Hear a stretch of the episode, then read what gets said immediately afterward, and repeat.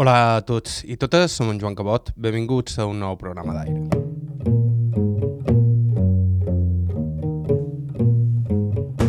Abel Rabassona la coneixen a mig món, però sobretot al seu poble natal. De fet, vosaltres també la coneixeu. Slink era aquella que es va fer famosa per un clip d'un programa d'humor català, APM, en què acusava el Mallorca de robar partits fanàtica integral del seu equip de futbol, el Constància, i una d'aquelles persones sense filtre que es fa apreciar en coses de segons, Bel Gual Llebrés, va néixer en una família humil i va ser sabatera tota la vida. El prototip de sòcia d'un equip de futbol que va ser fundat per donar entreteniment i alegries als treballadors de les fàbriques. Durant uns anys, el Constància era un dels equips més estimats de Mallorca, un contrapoder davant dels equips de Palma. També Inca va ser, en cert sentit, un contrapoda, una localitat amb una activitat econòmica que treia gent de tots els pobles dels voltants. Quasi tot això s'ha perdut, però encara ens queda Nabel, que no fluixa. Estau escoltant Aire a IB3 Ràdio, vos parla Joan Cabot. Començam.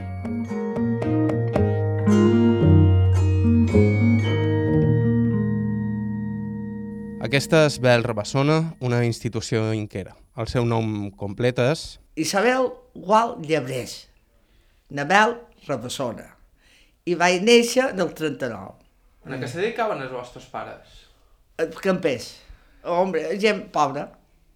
Eren família numerosa, 11 germans, i, i, i claro, en aquells entonces, acabat la guerra, pot menjar, pot més, i molt de família, ja veuràs tu, quin rosari hi havia. Ho dic que éreu 11 germans. 11 germans. Jo, jo soc, eh, em venen tres darrere jo. I els vostres pares eren, eren pagesos? Pagesos, pagesos. I, i on tenien les terres? On, Eh, en el camp que dèiem, en el camp, eh, a dos quilòmetres lluny de, de, de d'Inca. I que produïen per aquí? Blat, eh, havien de fer blat, monget, eh, nosaltres no, però eh, hi havia gent que, que sembrava mongetes i qualque patata per poder menjar, perquè era trist, perquè he vist de tot. Mira, eh, jo anava a escola i hi havia amigues que tenien duros i menjaven pa sobrassada. I jo no em podia menjar. I ma mare mos posava per bord a damunt el pa. I, i mos pensaven que era sobrassada, pensa. Per bord, d'això que posen en el dinar, i, i, i pareixia sobrassada i jo menjava amb oli, posaven oli, per bord, i, i, i claro, agafava la llesca de pa i, i menjava, i pareixia que... Però no era sobrassada. N'he vistes de tot color. No m'empaneta, Com eren els teus pares de caràcter? Persones normals i corrents. No sabien llegir, perquè no anaven a escola. Però eh, molt de... Per ser gent que no havia anat mai a escola, eren persones que se sabien comportar. Molt bé. Estic molt orgullosa. Perquè eh, aquí hi ha una església i els diumenges generalment a les onze i mitja feien una missa i venia tot el senyoriu. Això era. I un pare estava assegut eh, en el portal i jo deia, un pare vol d'anar a missa i diu, jo hi vaig. Bé, i un dia eh, va anar a missa, això m'ho va contar una senyora i estic molt orgullosa perquè va contar una senyora que era a missa i mon pare havia entrat a missa se va posar per darrere i estava ple de gent, senyor Eudinca. I l'únic home que se va aixecar per aquesta senyora va ser mon pare. Diu, som el vell de dir la iglesia s'ha aixecat perquè jo segueix. Diu que això ho puc dir. O sigui, era un home que no tenia lletra, no havia anat mai a escola, però se sabia comportar així com, com toca les persones, normals i corrents. I la vostra mare? També igual. E- Era també... Eren de dues dones, eh? Que això no ho havia dit. Eh, mon pare va quedar viudo, tenia cinc al·lots, i se va casar amb ma mare, que em va tenir sis. I com vos duieu amb tres germans de diferent mare? Estupendo. Estupendo. Molt, molt, molt. Eh, germans petits eh, de la primera dona estaven locos per ma mare, eh, però era d'admirar. I vos vareu anar a escola? Jo sí. I me van posar a fer feina i les monges va dir a ma mare és una pena que lleveu aquesta nina perquè ara pujava ja eh, comptabilitat i, i tot. Diu, és una pena que la lleveu, diu, però no la llev perquè vulgui, la llev per si guanya qualque cosa, havia acabat el, el, el, que se diu el curs, i el meu germà feia feina de pica-pedrer i aquest any eh, en el taller de Can Peres, que era un taller molt gran, eh, van dir, Tomeu, vosaltres que sou tants, tindries cap germana que, que vengués a fer feina. Ara n'hi ha una que han acabat l'escola i, i ja me van entafarrar la collera i encara ara la dura. Jo vaig entrar de nina petita i, i ho puc dir, tothom me, me va apreciar molt, perquè no és per dir-ho, però ja era una nina que, que me deien fer això, Bel, o fer allò, vols anar aquí? Mai vaig dir que no, mai, mai, mai, mai. Me van dir que era de les nines que havia començat a fer feina que li podia mandar de tot i no deia mai que no. Sempre deia que sí a tothom. M'enviaven per tot, és veritat me feien sabut, sabuts, eh, m'enganaven, me deien, Bel, per contents, anàvem a Can Gener, eh, que havia de comprar qualque cosa i me feien un vale i me deien, vés a Can Gener i du això. I jo me n'anava, no t'estorbis, no, i jo corria. Corria per anar a cercar les coses de la fàbrica i posar-me otra vez a fer feina. I, i claro, eh, n'hi havia que m'enganaven i llavors eh, els mateixos obrers, però sense que me tocassin un, un dit, eh? Només de, eh, a lo darrer me deien, ho sent veu, eh, quan t'hagin donat això, llavors es demana una pardalada, que te deixin eh, la màquina de bombar vidre. I jo innocenta, me n'anava allà i de, quan havia acabat, dit, oh, oh, te'n deus tot, sí, però m'han dit que me deixeu la màquina bomba a vidre.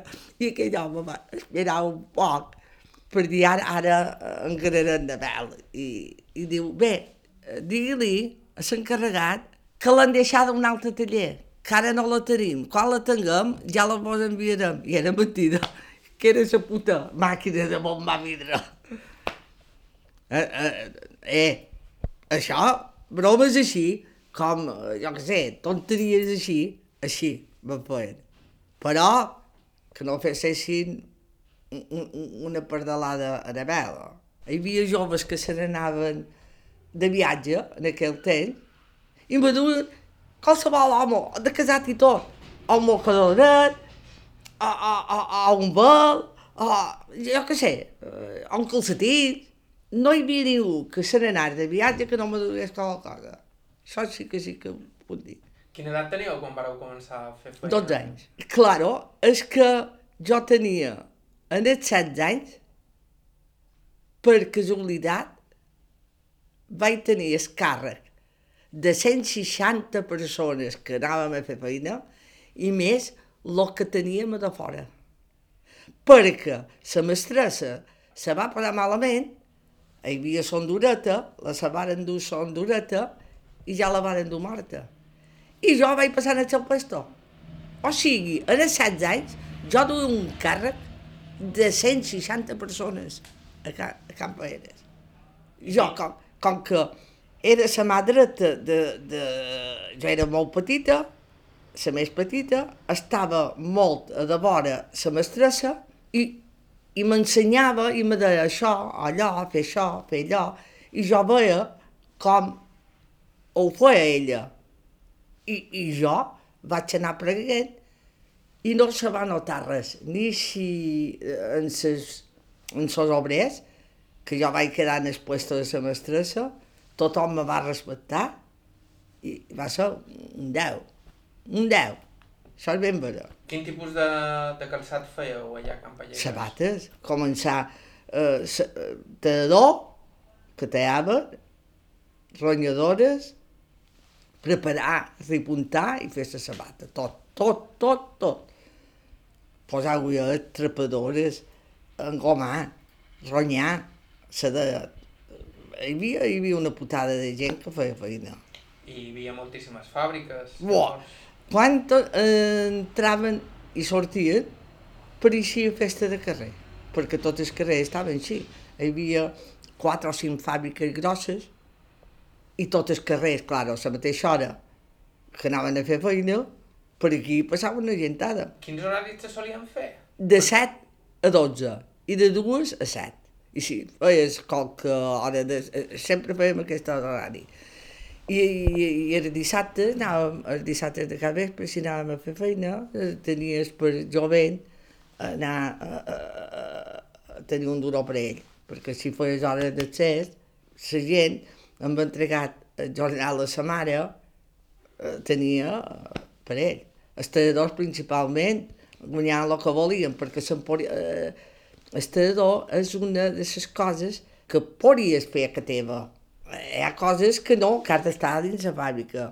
Però el tallador, que, que talla la sabata, se'n pot dur la pell casa seva i amb un taulell i, i, i un giny, que dèiem, tallava i, i cobrava més que jornal. Com era Inca quan éreu petita? Bo, era una ciutat industrial que dies paners pareixien els diumenges, de la gent de tota la comarca que venia a fer feina Inca. De tota classe d'article que te puguis imaginar, Inca era això. Això ja ho he vist, no m'ho han contat, he vist. No hi ha article de coses que existeixen en el món que Inca no hi fos.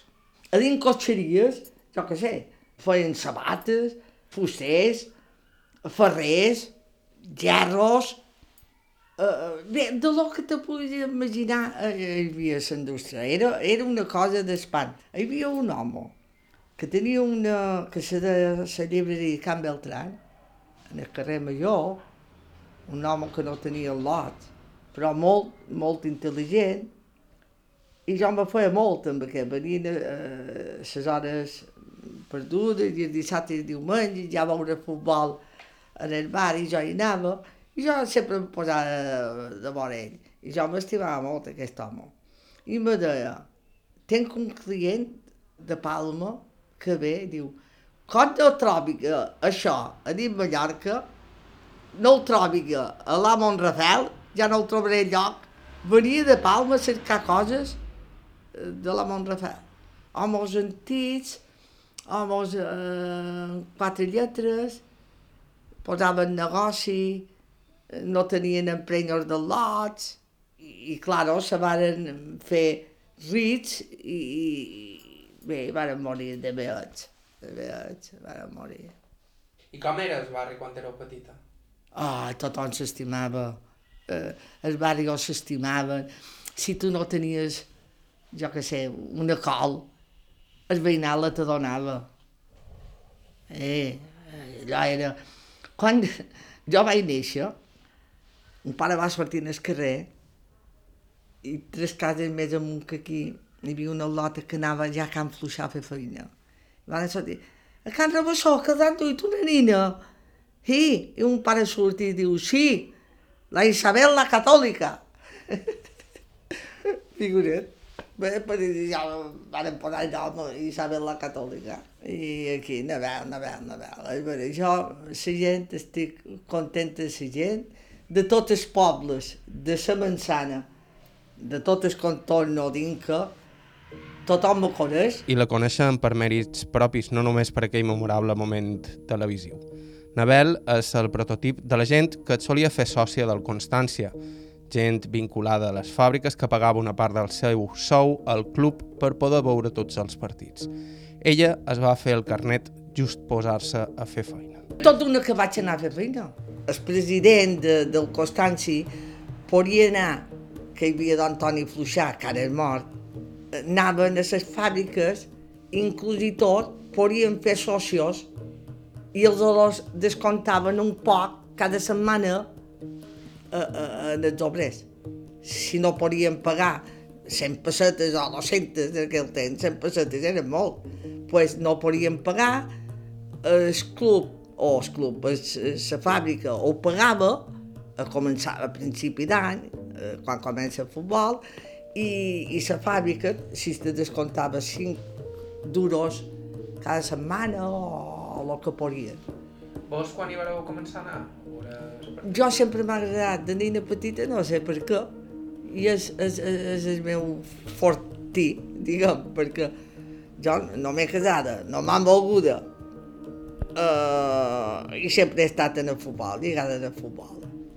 Tot una que vaig anar a fer feina, això sí que sí que ho puc dir. Me varen donar un duro cada dia. Set dies, set duros. Què passà? Com que jo havia d'entregar el sobre a ma mare. Quan vaig arribar, me va dir, Beleta, que t'han donat? Dic, set duros, perquè parlaven de duros. Què vol dir set duros? Bé, diu, saps què farem? Diu, me dones cinc duros per jo, te quedes els dos duros que hi ha i mira si t'abasteixes. I jo, si te puc ajudar, també t'ajudaré a vestir-te. Però a, dins, a dins les circumstàncies. Això a edat de 12 anys. O sigui, en 10, mm, dos duros, que, que eren 10 pessetes, jo m'havia de vestir. Què passava? I si m'agradava anar a futbol, feia hora d'accés, tenia per anar a futbol. Els dissabtes i els diumenges de matí, una que feia camies a mà, que vestíem tot inca el senyoriu, jo tornava a les camies i me donaven una passeta i dues pessetes. Hi havia dissabtes que jo feia set i vuit pessetes. Allò era mel. Mel! Això feia jo. Si és que tenc una història, poden, se poden seure i, i, i fer un llibre. En els temps en què ella era jove, el Constància era un equip competitiu, un rival temible del futbol regional que fins i tot va aconseguir algunes proeses a nivell nacional, com eliminar el Valladolid de la Copa del Rei. Els seus partits eren el tema de conversa a les fàbriques durant tota la setmana. Tenia tota la setmana per parlar perquè si ho feien bé, bo, jo he viscut glòries de futbol uh, apassionants. Per exemple, quins són aquests moments que recordes? Nosaltres vam eliminar de Copa del Rei el, el, el Valladolid. Se va fer un dia faner, varen sortir pret de, de la feina per anar... Van eliminar. Allò, allò, un equip de primera. Jo sempre he vist el senyor Eudin que anaven a futbol. Jo era nina petita i el senyor Eudin que anaven a futbol. A Inca, el futbol era, era, era... Se jugava, va sortir en corró, eh, ja mort en corró. Eh, tot aquest eh, que, que, que duen a futbol. Venia la gent de Palma, venien de matí, s'aturaven a Can Guixa, per les 3 i mitja o les 4 anant a futbol, s'enduen, jo què sé, els quilos de galletes que s'enduen. Perquè un temps no hi havia els cotxes que hi havia ara, venien en, en tren, venien de matí, dinaven per aquí, anaven a futbol, se'n tornaven. De fet, hi havia un temps en què molta gent dels pobles de Mallorca era del Constanci. I de, de, mi Mallorca, això ho puc dir, a Lloseta, o de, de, de, a Solla, encara ara. Ara ha de venir. Darrer partit per mi jugava amb el Solla aquí. Estic segura que hi haurà gent m'estan saludant. Jo ara no hi vaig anar, perquè tinc mal d'esquena i no vaig a, fora pel poble, però jo he anat a, a, a, tot, a tot Mallorca, eh? tot Mallorca pel futbol, jo no puc dir res, jo estic contenta de tot Mallorca perquè ara hi havia un jove com tu se va posar a riure quan me va veure de més, de més. Diu, ara eh, m'hauria de fer un favor. Dic, no te conec, però si ho puc fer, t'ho faré. Diu, tinc un ninet que no està molt bé. Dic, sí, ja, ja, ja me sap greu. Diu, i quan te veu, només riu, lo loco. Diu, i si ara jo te feia una foto? Diu, i l'emenduen aquest nin, se saps l'alegria que li donaré. Diu, no una foto, deu! Te'n pot dur... O peces que vulguis, rei.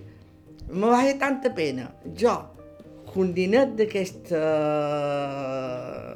d'això, me pugui veure i, pu i el puc fer feliç, jo, per jo, no em pot donin res més, és el més gran. Jo, un veig, un nen, que, que veig que la llagrimeta li cau, jo m'entusiasma. No val els dos més per fer un infant feliç. Jo que és la loteria. Juc a dins les meves possibilitats. No trec mai. El dia que tregui, no vull treure. Així com són jo, no vull treure. Perquè si treia, bueno, jo ara trec un reentrego, ja que en terra. Un reentrego per Nadal, són números que jo juc, i me sap greu no de jugar perquè el dia que no el de jugar té com de treure. És veritat? I, i, i dic, bé, no, no, no hi jugaré perquè me carbi, dic. Ara l'altre dia un me diu, tu no pots treure mai cap, cap boleto de futbol. Dic, i per què? Dic, perquè ets fanàtica. Dic, i tu que no veig? Perquè no en treus un? Perquè no el treu tu? Jo me pot fallar el marit, per exemple, per dir una cosa. I els altres perquè me fallen. Jo no puc veure un marit. I li pots perdre Però jo treuré un, un 13 o un 14, un 13 cada setmana. Dic, i tu, que ets tan llest, per què no el treus? Jo me conformaria a treure un 13 cada setmana. Malament que se pagassin 1.000 euros. Però és que això i tot el trec perquè si no me falla el Madrid, me falla el Barça. Si no me falla el Barça, me falla el Madrid. Jo aquests dos eh, eh, eh, els, els, els deia per inútils, diguem. El pas, el que me vull posar, però eh, són els altres que me fallen. Des de fa uns anys, Nabel és una celebritat. Un reporter la va agafar en un moment d'exaltació durant un partit amistós i allò es va fer viral. Des de llavors, la seva fama ha traspassat fronteres. Molt enfadada estava en aquest, eh, aquest dia. Això que era un partit, me pareix que era vist, ara no sé si era amistós o de lliga, que eh, va passar una cosa, jo estava tota sola, ben tranquil·la, i agafen eh, una pilota, un jugador, i va a. I, i mos tocava tirar-la nosaltres, perquè la va tirar un del Madrid. I llavors jo hi havia aquest de la caixofa i l'àrbit diu no, al revés. Dic, cabron, talment així. Dic, cabron, un partit a mi, m'apareix que era amistós o... O no ho sé, ara si ve de dir cert, cert, no, no, no, no ho vull dir. dir. Partit amistós, que no val per res aquest partit. Un Floris, que és clar, encara eh, eh, el mos tires en contra. Dic, és que heu estat un lladre en tota la vida. I una em va venir una altra i aquella en la caixofa. I era de darrere, que m'emprenyaven, me deien, dona-li que entendre en aquest. Pues, això va ser així. No va ser res més que així. I no vaig cobrar ni un puta duro, perquè si ara fos ara, diria, eh, claro, això, això se va fer famós, ho van enviar a Barcelona, figura. A Barcelona era a Barcelona, jo tinc molta amistat a Barcelona també, jo conec gent a Barcelona, i, i jo he anat en el Camp Nou, quan, també me van convidar en el Nou.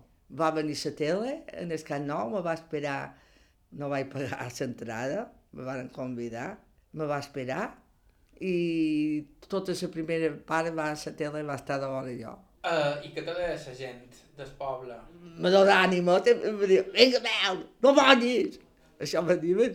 I jo no em pot que m'encengui cap, cap, cap. T'ho he dit, tot un això. Claro, és que si li això, no queda res. Si ara te'n vas tu a, a, a, a una festa, no te posaràs a, a resar rosari. ara sí, m'agraden les coses ben fetes, no? Ara fer mal, això no, no me veuràs mai. Mir de fer les coses ben fetes. Que, me- veu, això va malament. Tranquil. Les persones han de saber el que està bé i el que no està bé i que puguis reflexionar. No me'n vaig a dormir que no prengui una cosa. Sempre prengui una cosa. Bé, jo no ho sabia, d'això. Bé, jo no... Sempre, sempre, sempre. Sempre escolto les persones que van bé. Les que van malament, lo dolent, sempre s'aprèn. No importa. Les persones honrades, les persones sèries, això sí. M'agrada, m'agrada tot. Futbol, m'agrada a missa, en dic qualcuna, per no dir més de dues, però no ho dic per malí, jo, jo tinc molta amistat amb un, amb un capellà. Pepa, dic, m'he enfadat, he, he dit una cosa molt grossa. Diu, i per què l'has dit? Diu, i perquè me- m'emprenyen. Diu, ara n'has dit una. Dic, però no, no ho dic per cap mal. Com que jo m'agrada molt el futbol i, i, i si no agrada el futbol, no se viu. És si, si t'agrada i tens amor en aquella cosa, pues, eh, ho vius així com és. Em va sortir així. Però eh, no tenc cap d'això ni, ni cap medici a res. No. Això sí que sí que ho tenc. Eh, vaig per tot Mallorca i per tot Mallorca me, me, me saluden i, i saben que són de, de futbol, de Verda Bessona.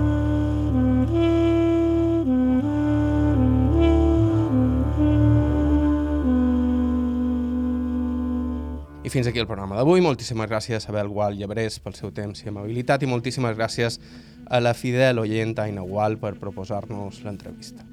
Sempre estem cercant testimonis, així que si teniu alguna proposta o suggeriment, ens podeu escriure a aire.ivetresradio.com.